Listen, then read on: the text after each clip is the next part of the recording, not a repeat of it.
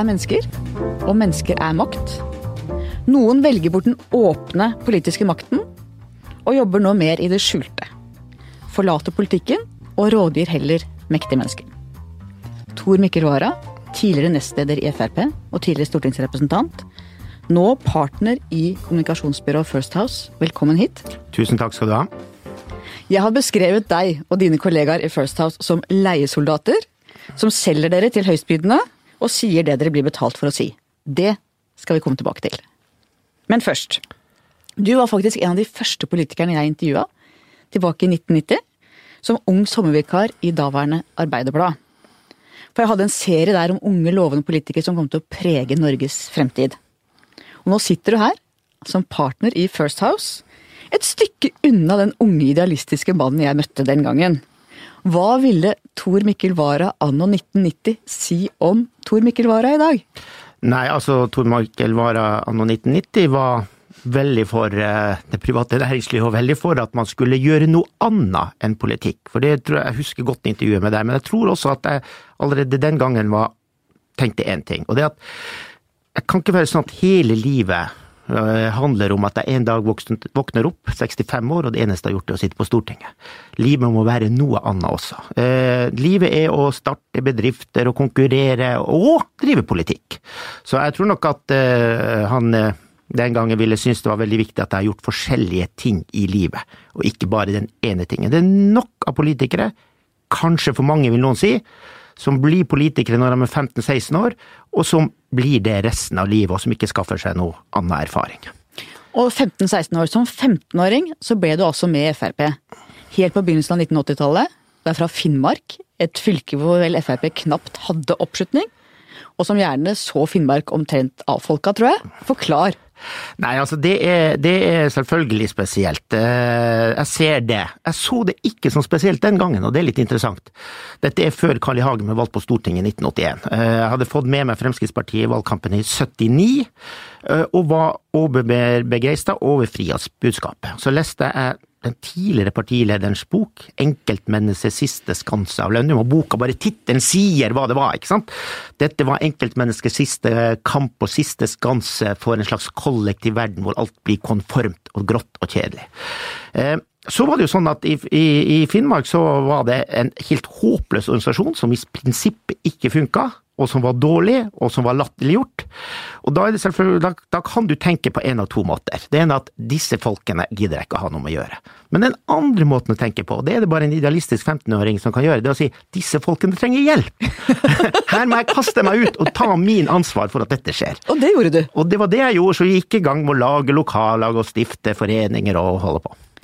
Og du ble beskrevet som et av de største talentene i norsk politikk, som Carl I. Hagens kronprins, og som en av de smarteste Frp har hatt i sine rekker.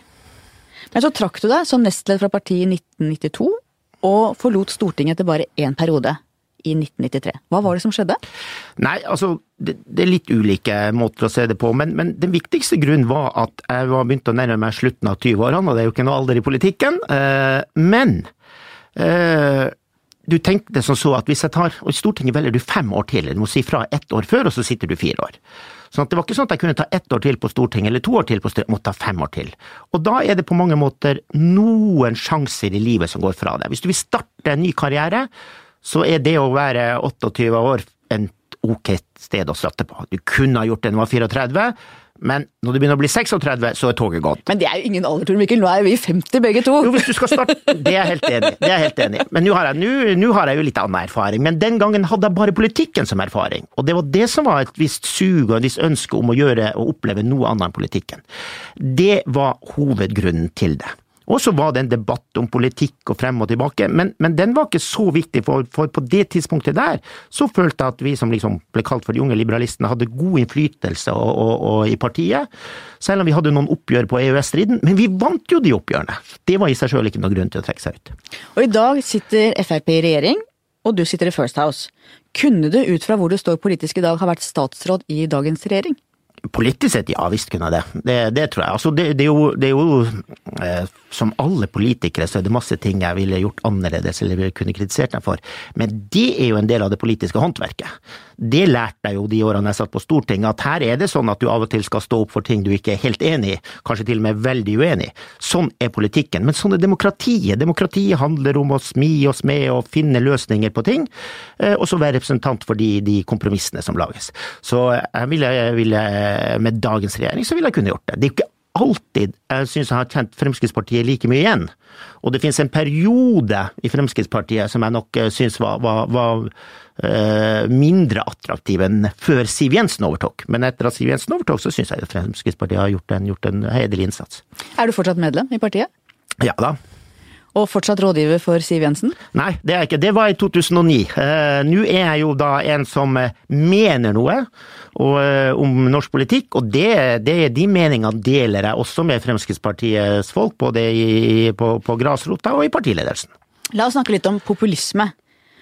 Du har USA og Europa, Trump i USA nå, mm. borgerne i Europa. Ja. Og i Norge har Frp egentlig bidratt til å dempe de verste utslagene av populismen i Norge? Ja, det tror jeg. Jeg tror at man godt kan se, se Fremskrittspartiet på den måten. Fordi det er klart at det ligger ofte en, en anti-establishment-holdning hos folket som, som, ligger der. Eh, og hvis skal vi si, establishment og den politiske makteliten blir for fjern og snakker eh, språk og tar opp temaer som folk ikke kjenner seg gjennom, så koker det over. Fremskrittspartiet har vært en veldig god ventil for å bringe skal vi si, denne motkulturen, den grasrotkulturen, ut i, i eh, politikken og la den få en talerstol. Det tror jeg har betydd at, frem, at Fremskrittspartiet opplagt har disiplinert den norske politiske debatten. Gjort den litt mer sofistikert og litt mer elegant eh, enn, enn hvis de ikke hadde vært der. Tror du det hadde vært svenske tilstander uten Frp i Norge? Uh, ja, det tror jeg nok det kunne være. Jeg da tenker jeg debattklima, det man ikke snakker om vanskelige saker. Absolutt. Den politiske korrektheten, ja. Det tror jeg er helt sikkert. Uh, uh, den, svenskene har jo fått et debattklima som, som opplagt har vært en hemsko for fri, åpen debatt. Fremskrittspartiet har bidratt til at det er lov å være politisk ukorrekt, selv om mange i Fremskrittspartiet fortsatt opp, ikke opplever det sånn. Men det er klart, det er det. Det er lettere å være politisk ukorrekt i Norge enn det er i, eh, i eh, Sverige. Eh, men også i Norge så har man hatt perioder hvor det har vært veldig sterk konformitet og veldig liksom en, en, holdning også overfor Fremskrittspartiet som minner om det svensk establishment har. Det er, det, de periodene har vært der. Frp er også et sånn antipolitisk parti. Altså, du hadde slagordene 'mobb en politiker'. Um, men nå har jo selv Per Sandberg roa seg i regjeringen. Når Frp er blitt så strigla, ser du da fare for at det kan komme noen andre til høyre for Frp inn i, inn i norske Nei? Nei det, det, ser jeg ikke. Men, eh, men, det er alltid en fare for at Fremskrittspartiet kan tape oppslutning. Eh, og, vil, og, det vil de helt sikkert kunne både gå opp og ned. Eh, men jeg ser ikke den, den faren. Og så tenker jeg også at i alle de årene som Fremskrittspartiet prøvde å komme i regjering, og hvor konkurrentene, de politiske motstanderne, og delvis også dere journalister, avskrev dem som et regjeringsparti, for de var liksom ikke voksne nok. De var ikke, de var ikke klar for det. De, de, kunne ikke sitte i regjering. Så er det klart, så er det veldig, veldig viktig for Fremskrittspartiet å komme inn i regjering, gjøre en ordentlig jobb, vise at de er i stand til å spise med kniv og gaffel, for det trodde man ikke at de var i stand til å gjøre. Men du visste at det var det? Det visste jeg. Bestyre et finansdepartement, bestyre, bygge veier, og være ordentlig og skikkelig. Det betyr at den, en av de aller viktigste anklagene og ankepunktene mot å stemme Fremskrittspartiet, nemlig at de liksom ikke kunne styre landet, det er borte. Eh, de spådde fire år i revynummer med Fremskrittspartiet på makta. Det skjedde ikke. Og det gjør tilværelsen litt lettere for Fremskrittspartiet. Men det er én ting du må forklare meg mange Frp-ere fremstår tidvis som så utrolig foruretta, med Carl I. Hagen som det fremste eksempelet. Altså, å se i kommentarfeltene hvordan de er helt uh, blir kneblet, alt er forferdelig, alle er fæle. De, de, sitter med makten og har gjort det veldig bra, og så er de allikevel så forurettet og føler seg krenket stadig vekk. Hva er det? Ja, nei, Der tror jeg vi skiller litt. Altså, Det ligger en historikk her som, som gjør at de med ganske god grunn føler at de har blitt forurempla og foruretta historisk sett. Så jeg er jo helt enig det blir, det, blir, eh, det blir, for dumt å sitte i regjeringsapparatet og være forurempa. Det går ikke. Jeg skjønner at du som opposisjonspolitiker, eh, når du ikke slipper til på de plattformene du skulle gjøre, blir både oppgitt og irritert. Eh, men at mm, si, regjeringen og statsråder føler seg misforstått og ikke hørt ordentlig på, det tror jeg alle har gjort uansett parti. Så jeg skal, jeg skal, si at de har en historie som gjør at man kanskje kan tenke sånn, men du bør legge av deg det når du er i, i regjering. Så kommunikasjonsfaglig sett så bør de slutte å sutre? Ja, altså det, det, er jo noe med offerrollen. Uh, den passer noen ganger, men det er noen ganger den ikke passer. Og i statsrådsstolen passer den ikke. Men jeg syns jo Frp tidvis dyrker den offerrollen veldig. Ja, altså Det de kan gjøre, eh, det er jo fair enough å si, og det er å si at vi har ikke flertall. Sånn at eh, mye av vår politikk får vi ikke gjennomslag for. Men det er noe annet enn å ta på seg en offerrolle. Det er å påpeke eh, et faktum, nemlig at det gikk ikke som vi ville, uten at du dermed skal synes synd på dem. Men det er jo en måte å gi en beskjed til velgerne på. Det er jo en del av demokratiet. Nå er jo Frp en kjempeskvis. De er det mest restriktive partiet på flyktning- og innvandringspolitikk. Mm. Og så sitter de samtidig og bestyrer den største tilstrømming til Norge noensinne. Ja. Hvordan syns du det går? Nei, altså eh, Jeg syns jo det ser ut som det går bra. Altså Det er klart at fortsatt så er det jo sånn at de ikke har flertall, så de skal jo skaffe, skaffe, seg et flertall for å få til dette noe. Men det er ikke noe tvil om at flyktning- og innvandringspolitikken når det gjelder regelverket, er på mange måter en av Fremskrittspartiets politiske suksesser, i den betydning at her har alle andre partier kommet etter. Masse av de standpunktene som ble sett på som ekstreme fra Fremskrittspartiet, er i dag etablert politikk. Urokk virkelig befesta i sosialdemokratiet. Men husk på at Arbeiderpartiet gikk jo inn for innvandringsstopp på 70-tallet. Absolutt. Arbeiderpartiet og Frp har egentlig en del faktisk den faktiske politikken vært ganske enig i. Ja, men det er jeg helt enig i. Sånn, derfor er det sånn at eh, dette, dette, bild, dette bildet av at Fremskrittspartiet på mange måter har, har levd av et vi si, et liv alene i politikken, det er ofte et bilde. Men noen ganger har det vært sant. Men det er jo ikke noe tvil om at når det kommer til flyktningepolitikken, og ikke innvandringsstoppen på 70-tallet, så har alle partier, inkludert Arbeiderpartiet, flyttet seg i Fremskrittspartiets retning. Det har man gjort fordi Fremskrittspartiet har fått oppslutning. Men nå har jo Frp også flyttet seg inn i den brede konsensusen mellom Arbeiderpartiet og Høyre, når du ser at praktisk politikken er ikke veldig forskjellig fra det en rød-grønn regjering ville fulgt i samme situasjon, mens retorikken er annerledes. Hvor lenge kan den dobbeltheten bære? Nei, altså, jeg mener at politikken er helt annerledes enn det ville vært med en rød-grønn eh, regjering. Der er vi uenige. Helt, helt, helt eh, sikker på at den ville vært annerledes. Fordi Fremskrittspartiet har flytta det politiske tyngdepunktet som gjør at Arbeiderpartiet tør ikke å stå på de gamle standpunktene sine. Altså, de har flytta seg. Så er det selvfølgelig sånn at Fremskrittspartiet har ikke flertall. Så hvis de har 40 forslag, så kommer de ikke til å få flertall for alle 40. Eh, men, men, jeg syns jo at dette skillet mellom realitet og retorikk, som jeg ser at dere i avisene også liker å, å, å dra frem, er rart. For det kan da virkelig ikke være sånn at Arbeiderpartiet har tenkt å stemme mot noe de er for, fordi de ikke liker måten Sylvi Listhaug snakker på. Dessverre så, ser det ut til at det er sånn, og ja, men, det er veldig rart. Men det, da, da, burde dere refse dem for det. Men det, gjør jeg stadig vekk! Det, gjør jeg stadig for det, vekk. Det er en barnslig holdning til politikk. Mm. I politikk så skal man, snakke for det man, skal man stemme for det man er for, og mot det man er mot, og så skal man forklare at man må inngå kompromisser. Tenk deg det motsatte, da. Tenk deg hvis Fremskrittspartiet sa det at vi er enige med Arbeiderpartiet, men vi har tenkt å stemme mot forslaget fordi vi liker ikke måten Gahr Støre snakker på. Da ville alle ha kasta seg over Frp og sagt at det er barnslig, useriøst, sånn oppfører man seg ikke. Derfor må man gjøre det samme når Arbeiderpartiet prøver seg på den, og ikke minst Hareide, som sier at han kan ikke støtte politikken pga. Sylvi Listhaugs retorikk. Det er uverdig, det er skammelig måte å oppføre seg på. De får stemme for det de er for hvis de får det, og så får de stemme mot hvis de er mot det. Men dette er jeg helt enig i, og vi har opptil flere ganger faktisk tatt Arbeiderpartiet og Jonas Gahr Støre for dette. F.eks. når det gjelder midlertidig opphold for enslige mindreårige, så var det en rød-grønn regjering som foreslo det i sin tid, og nå går de imot det. Så er, der er vi på, ja. på ballen. Um, men uh, Altså Innvandring og integrering, du hadde jo også problemer med noen av de mest ytterliggående i ditt parti da du var aktiv. Fortell absolutt, det. absolutt, det hadde jeg jo. Uh, altså det var jo Frp hadde jo en sånn sving, svingning her, altså hvor man hadde en holdning til politikk, uh, til innvandringspolitikk, hvor man var restriktiv og Uh, vi ville ikke bruke så mye av skattebetalernes penger på det. Vi ville fortsatt ikke bruke mye skattebetalernes penger på noe som helst. uh, så det var for så vidt en konsekvent idé, men vi var jo et relativt liberale i forhold til, til, holdninger og opplevelser. Men så skjer jo det at det går en utvikling i Fremskrittspartiet hvor, hvor Jan Simonsen og Vidar Kleppe blir nestleder i partiet. Uh, og det var da, og det var jo de kreftene som lå der, og det var en holdning som på mange måter De representerte en politikk som var veldig fremmed for meg, uh, som jeg tror var fremmed for, for store av Frp. Men som til og med ble sånn at Carl I. Hagen måtte da til slutt ekskludere dem for å få rydda opp i dette. Men han gjorde nå den jobben Sånn at bordet var rydda for Siv Jensen og hun overtok. Hun å ta, slapp å ta den kampen, og, og da har jo innvandring og flyktningretorikken til Fremskrittspartiet må jeg si, vært, vært eh, ryddig og ordentlig. Tror du Frp fortsetter i regjering også etter valget? Eh, ja, altså Hvis de får flertall, så kommer de til å fortsette, ja. Jeg er rimelig sikker på at de syns dette er, er morsomt og vellykka.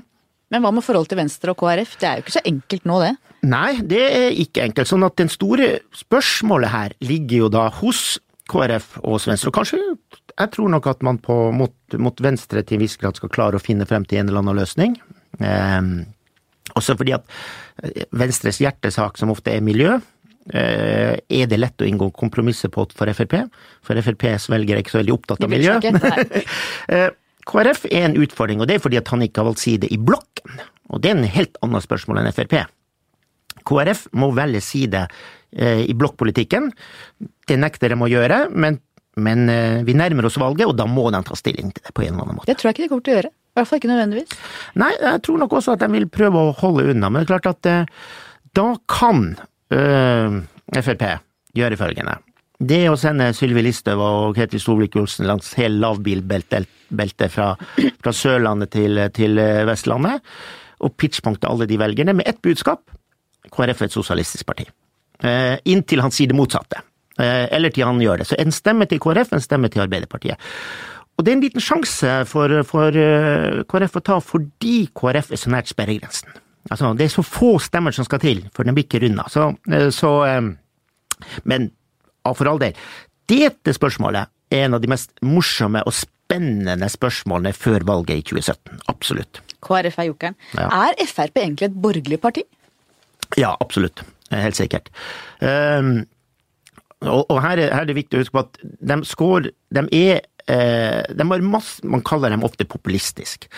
Men på de aller fleste ting så ligger de jo tradisjonelt borgerlige ting, også der hvor du finner høyrepopulistiske partier som, som mediene motsatte. La oss si at, altså ta et helt enkelt ting. Fremskrittspartiet har alltid vært konsekvent for frihandel. Eh, mens Trump og mange av de andre høyrepopulistene er jo proteksjonistiske partier. Eh, og en del av disse tradisjonelle stat-individ-bitene har Fremskrittspartiet alltid vært helt, helt sikre på eh, hvor de står. Hva med pengebruk? Du sa at dere er ikke glad i å bruke skattepenger. Frp er jo blitt veldig glad i å bruke skattepenger. Ja, ja. Jeg synes de er blitt altfor glad i å bruke skattepenger. Det gjelder Frp, og det gjelder alle partiene. Altså, Vi har fått en enorm offentlig sektor i Norge, og den vokser, og den vokser også under, under Frp. Men Frp bremser jo ikke tvert om. De vil jo sprenge handelsregler og alt. Ja, altså, det var i hvert fall det som var, var en viss holdning når du hadde mye penger. Eh, men nå har man jo ikke penger, sånn at jeg er jo helt sikker på at det blir et ekstremt stramt budsjett i høsten. Altså, Eh, det er egentlig to, to, kriser i Norge i dag. Det er en flyktning- og innvandringskrise, og det er en økonomisk krise. Eh, og den kommer til å prege budsjettet til høsten, jeg er helt sikker på. Er det Ap og Frp det har du sagt før, er egentlig de store folkepartiene? Tjener de på å ha hverandre som hovedmotstander?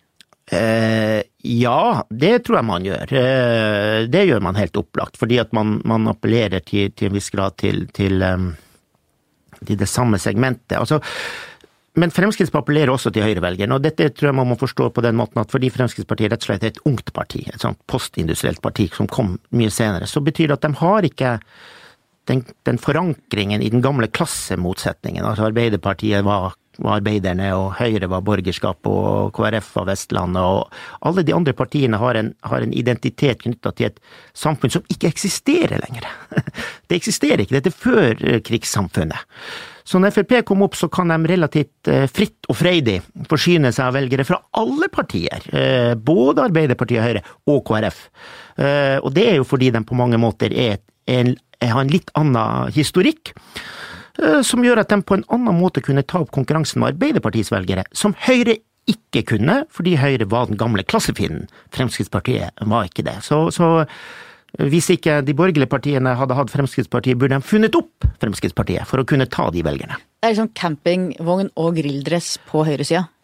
Ja, altså det, det man, kan, man, kan, eh, Jeg vet at dette er liksom en én av identifikasjonene. Men ja, selvfølgelig er det det. Det er jo veldig mange folk som liker campingvogn. Eh, og, har du campingvogn, eller? Nei, jeg har ikke campingvogn. Men men denne holdningen, denne establishment, anti-establishment-holdningen, den har Frp vært veldig tydelig på. At den vi ler ikke av disse menneskene. De er våre velgere, de skal behandles med respekt, og demokratiet består av dem også. Eh, så får det heller være sånn at visse deler i akademia eh, ler av disse menneskene. Vi skal ikke le av dem. Og de store tabbene som Arbeiderpartiet gjør, det er når de også finner på å le av dem. Men nå er de blitt mye flinkere til å ikke gjøre det. Sylvi Listhaug, Norges mest omstridte, elsket og hatet politiker akkurat nå. Hun er jo tidligere kollega av deg i First House. Hvordan fungerte hun som kommunikasjonsrådgiver? Hva vil du si er hennes sterke og svake sider? Nei, altså det er, det er tre ting. Det ene var at Sylvi selvfølgelig kan politikk. Og det er viktig, og man glemmer det, at Sylvi er kanskje den eneste Frp-politikeren som har sittet i regjering. Hun satt i byregjeringen. Eh, Eh, og lagde kompromisser. Drev det politiske håndverket. Eh, lenge før Siv Jensen fikk anledning til å gjøre det. Så hun kan mye politikk, og kan mye om, om hvordan politikk skapes. Og flertallsposisjoner skapes og bygges. Det er det ene. Det andre er at hun ble raskt en god kommunikator, i den forstand at hun var, og det tror jeg altså den gangen hun som ofte flinke piker er. De forbereder seg ordentlig, bestemmer seg for hva de skal gjøre, og så gjør de det. Og der var Sylvi Listhaug eh, typisk flink pike. Hun, hun, forbereder seg alltid godt. Det tror jeg hun gjør som statsråd nå også. Hvis hun skal i en debatt, så er hun forberedt. Eh, og bestemmer seg for hva som er et hovedbudskap, og holder seg fast til det. Den siste biten, det skulle man ikke tro. Men det at hun hadde faktisk en ganske god utvikla kommersiell sans.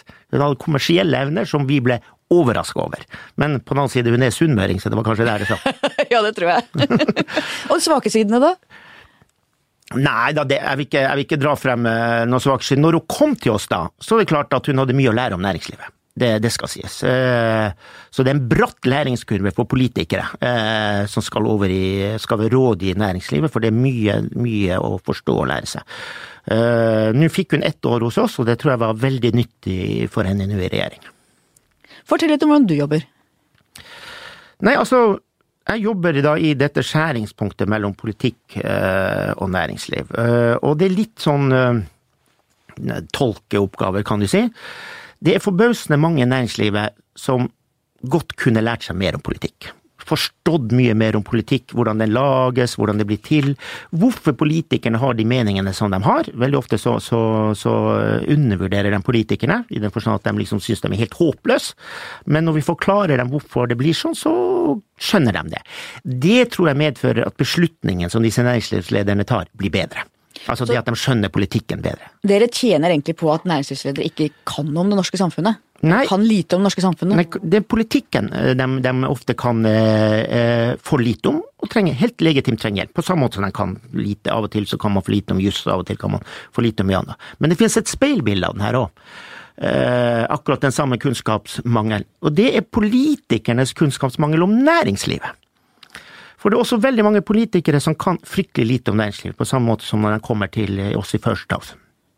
Og som jeg kunne når jeg satt på finanskomiteen eh, i, eh, rett fra skolebenken. Og som flere og flere politikere, de, kommer, de lever et liv i politikk. Og det betyr at en avstand mellom næringslivet, å forstå hva næringslivet driver med, det tror jeg vi kan bidra til å øke for den forståelsen. Og da blir også de politiske beslutningene bedre, ikke dårligere. Nå har du et forsvar for din bransje. Jeg ja. syns jo det er mye for synes det er mye babbel. Jeg tror det er mye luft i en del av de powerpoint-presentasjonene i den bransjen din. At man uh, selger for mange tusen kroner timen mye som man egentlig kunne lest seg til i uh, grunnfag, eller grunnskoleboka til barna sine i samfunnsfag. Nei, altså, jeg, er helt uenig i at vi har det. Men jeg, har også, jeg, jeg så den her debatten om visjoner og sånt på universitetet, og da var jeg egentlig litt enig i den kritikken.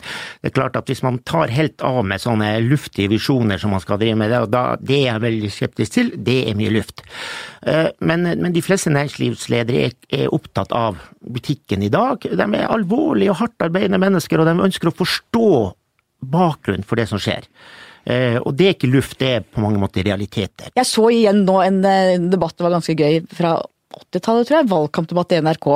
var selvfølgelig langsommere, kjedeligere, men det var klarere og tydeligere svar.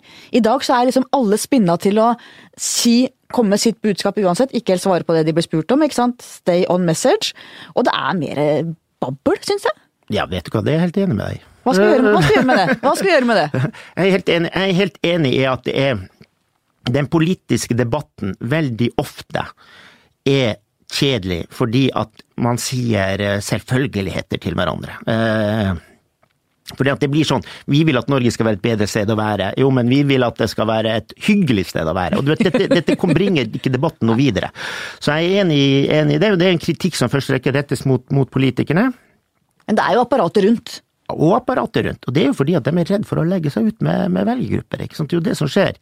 Uh, jeg syns Fremskrittspartiet er et av de bedre. Sylvi Listhaug er en av de aller beste. Uh, fordi at hun ikke er redd for å legge seg ut. Men du må tørre å være upopulær. Og hvis, hvis politikerne til slutt blir livredd for å være upopulær, så blir det mye babbel ut av det. Jeg, så, så her, skal ikke, her, skal ikke, jeg krangle med, her skal jeg tvert imot være enig med. så bra. Er det oppdrag du har sagt nei til? Dere har jo hemmelige lister, det er jo diplomatisk, men kan du fortelle, er det noe du har sagt nei til? Eh, det er oppdrag som jeg ikke vil være med på, ja. Det er det. Som, Hva da, for eksempel? Det, nei, jeg vil ikke gjøre det, for det henger jeg ut. Uh, henger ut, ut Men type, da? Type oppdrag?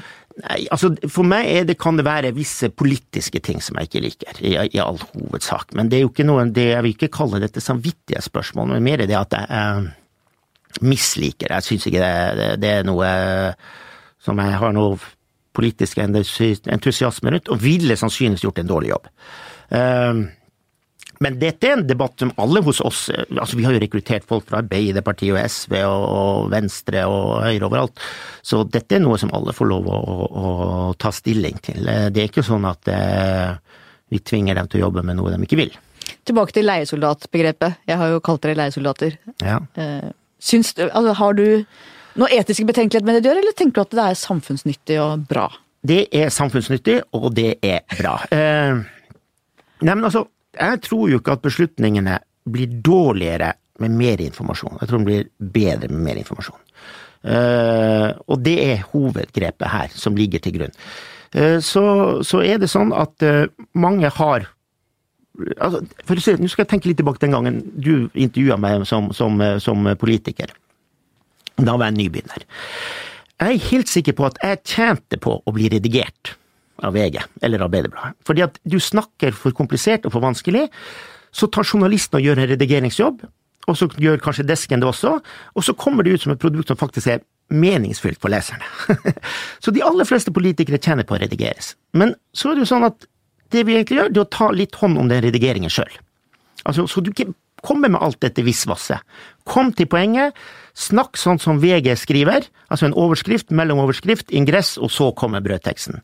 De fleste er jo lært til å snakke som en stil, ikke sant, med poenget til slutt. Alle hadde en, så var vi alle enige om at det hadde vært en fin tur. Da er de fleste ramla av. Du må begynne med poenget, og så må du gjenta det og gjenta det. Så, så det som er, det er jo en journalistisk metode som egentlig man lærer øh, dem for å komme raskt i poenget og få sagt det som er viktig. Det er noe av det viktigste. Og Derfor er det vi rekrutterer journalister òg. Metoden er journalistisk.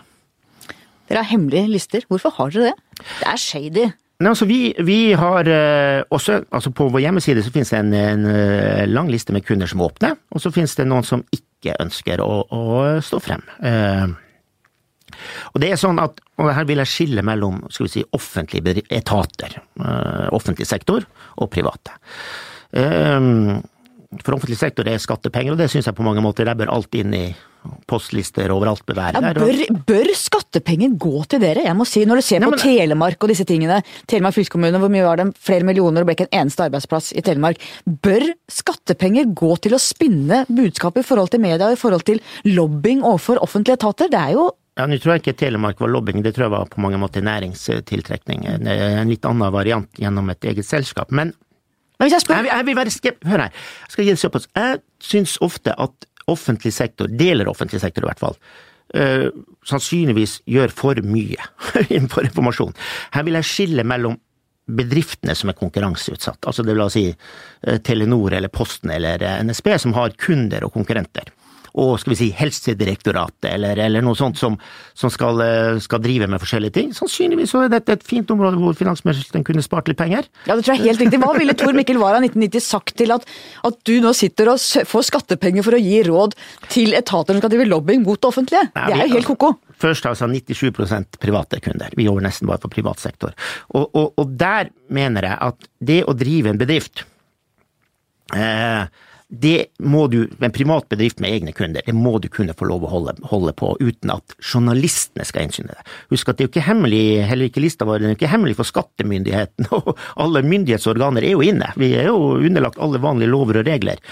Men, og det samme gjelder norske bedrifter. Eh, men de må kunne hente råd eh, og spørre og få det, hvis man, og velge å la det være eh, hemmelig. Jeg har ikke noe imot at de offentliggjør uh, hvem de jobber for, uh, men jeg synes man må respektere at mange private bedrifter uh, ønsker å, ha dette for seg sjøl, eller rett og slett ikke ønsker å være, leve et liv i offentlighet. Det er derfor jeg skiller mellom offentlig sektor, som er nødt til å leve et liv i offentlighet, og, og mange tusenvis av små private bedrifter som egentlig ikke ønsker det. Nå sliter bransjen litt. Er det for mange av dere, eller er det en boble på gang? Nei, jeg tror at eh, det, det, er to ting. Jeg tror at bransjen lever av de samme konjunkturene som næringslivet for øvrig. Eh, norsk næringsliv eh, har, har lav konjunktur, og da smitter det over. Vi, vi, vi, våre kunder er jo, er jo det nei, altså i hvert fall i første er privat sektor i all hovedsak. Litt offentlig sektor. Offentlig sektor sliter jo ikke, så det er kanskje det, er kanskje det man burde gjøre, da, leve av å ha offentlige kunder. Men, men, for oss som i privat sektor, så er det klart at vi lever og dør og ånder og føler det samme som dem. Du har selv sagt i et intervju at du har mer makt enn noen stortingspolitikere, og mindre makt enn noen andre. Ja. Utdyp det. Nei, altså da tenker jeg at eh, altså det er 169 eh, stortingsrepresentanter uh, i dag. Uh, de fleste lytterne her kan navnet på 20 av de stortingsrepresentantene uh, som dere i VG skriver om.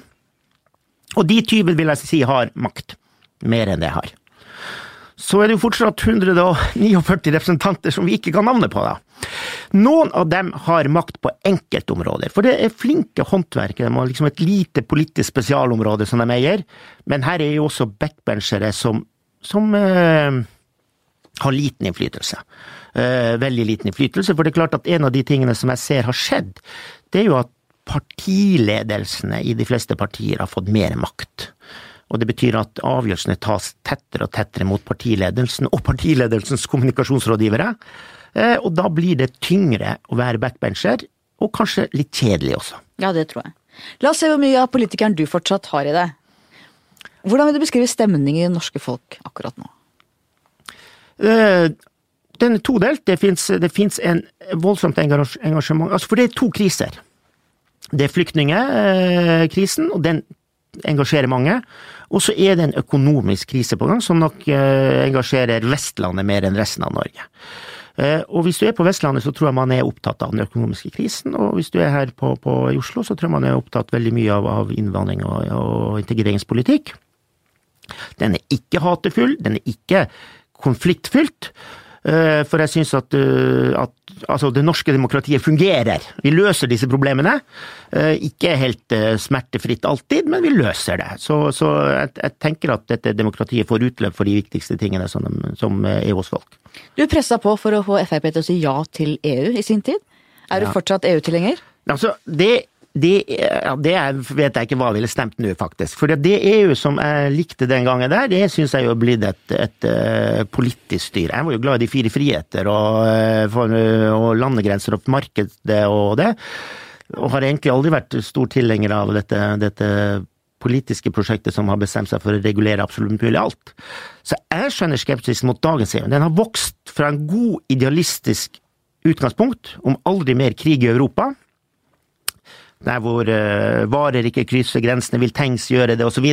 Dette utgangspunktet tror jeg fortsatt på i dag. Jeg tror uh, det å fjerne grensene i Europa for varer og økonomisk og for så vidt arbeidsinnvandring òg, er en viktig del av det å unngå krig i Europa. Men så syns jeg EU har vokst til en slags mastodont som driver med masse som ikke har noe med det å gjøre. Er det ikke sånn at jeg mener at vi skal avskaffe nasjonalstaten og så liksom bli, bli et EU helt uten, uten de, de, særtrekkene som finnes nasjonalt? Jeg har hatt Sylvi Listhaug på besøk her. Hun var veldig tydelig på at hun er EU-motstander. Hun var det i 94, hun er det nå. Hvor tror du Frp vil havne dersom spørsmålet igjen kommer opp? Blir det et ja-parti eller nei-parti? Altså, De har jo vært konsekvent for folkeavstemning hele tida. Eh, men de var jo veldig tydelig ja i 94? Eh, ja, men jeg tror vi var vel et Vi var vel eh, Flertallet mente vel ja. Eh, men samtidig sa man at man skulle ha folkeavstemning. Eh, Og det tror jeg ligger fast. Nå tror jeg jo ikke dette er tema igjen, og jeg har vanskelig for å se meg at EU blir et tema før man på mange måter eh, opplever det politisk moden. Og det er langt unna at folk vil ha EU i dag. Eh, og det som jeg sier, jeg sier egentlig at det skjønner jeg litt også. Jeg skjønner EU-skepsisen. Jeg skjønner også Sylvi Listhaug sitt, sitt standpunkt veldig godt, selv om jeg stemte ja i 94. Det gjorde jeg òg. Jeg vil gjøre det igjen. Savner du politikken? Eh, noen ganger. Hva er det du savner da? Nei, det er noen ganger når, når den er på det mest intense, ikke sant. Når du vet at dette er, her er du, her er sentrum av begivenhetene, nå er det alt skjer her. Men politikken har sånne øyeblikk noen ganger. Ikke hele tida, men jeg, er jo så heldig at jeg har fått vært politiker, så jeg vet jo at det er noen hverdager der også. Uh, hvor du holder et innlegg uh, i, Stortinget som uh, knapt noen registrerer, og jeg vet ikke hvor mange ganger jeg har vært oppe og sagt at nå syns jeg skattene må kuttes og uhjelpen reduseres. Og det er klart at, så, så det er en hverdag òg. Men noen ganger så er det dramatikk, politisk fortetta stemning, og da savner jeg det. Til slutt, mitt faste spørsmål. Hva skal historien om deg være? Tor Mikkel Wara, det var han som jo, kanskje ting i omvendt rekkefølge. Det, det, normale burde vel ha gjort, var å ta meg en utdannelse, eh, så jobbe i næringslivet, og så slutte som politiker. Dette ble omvendt.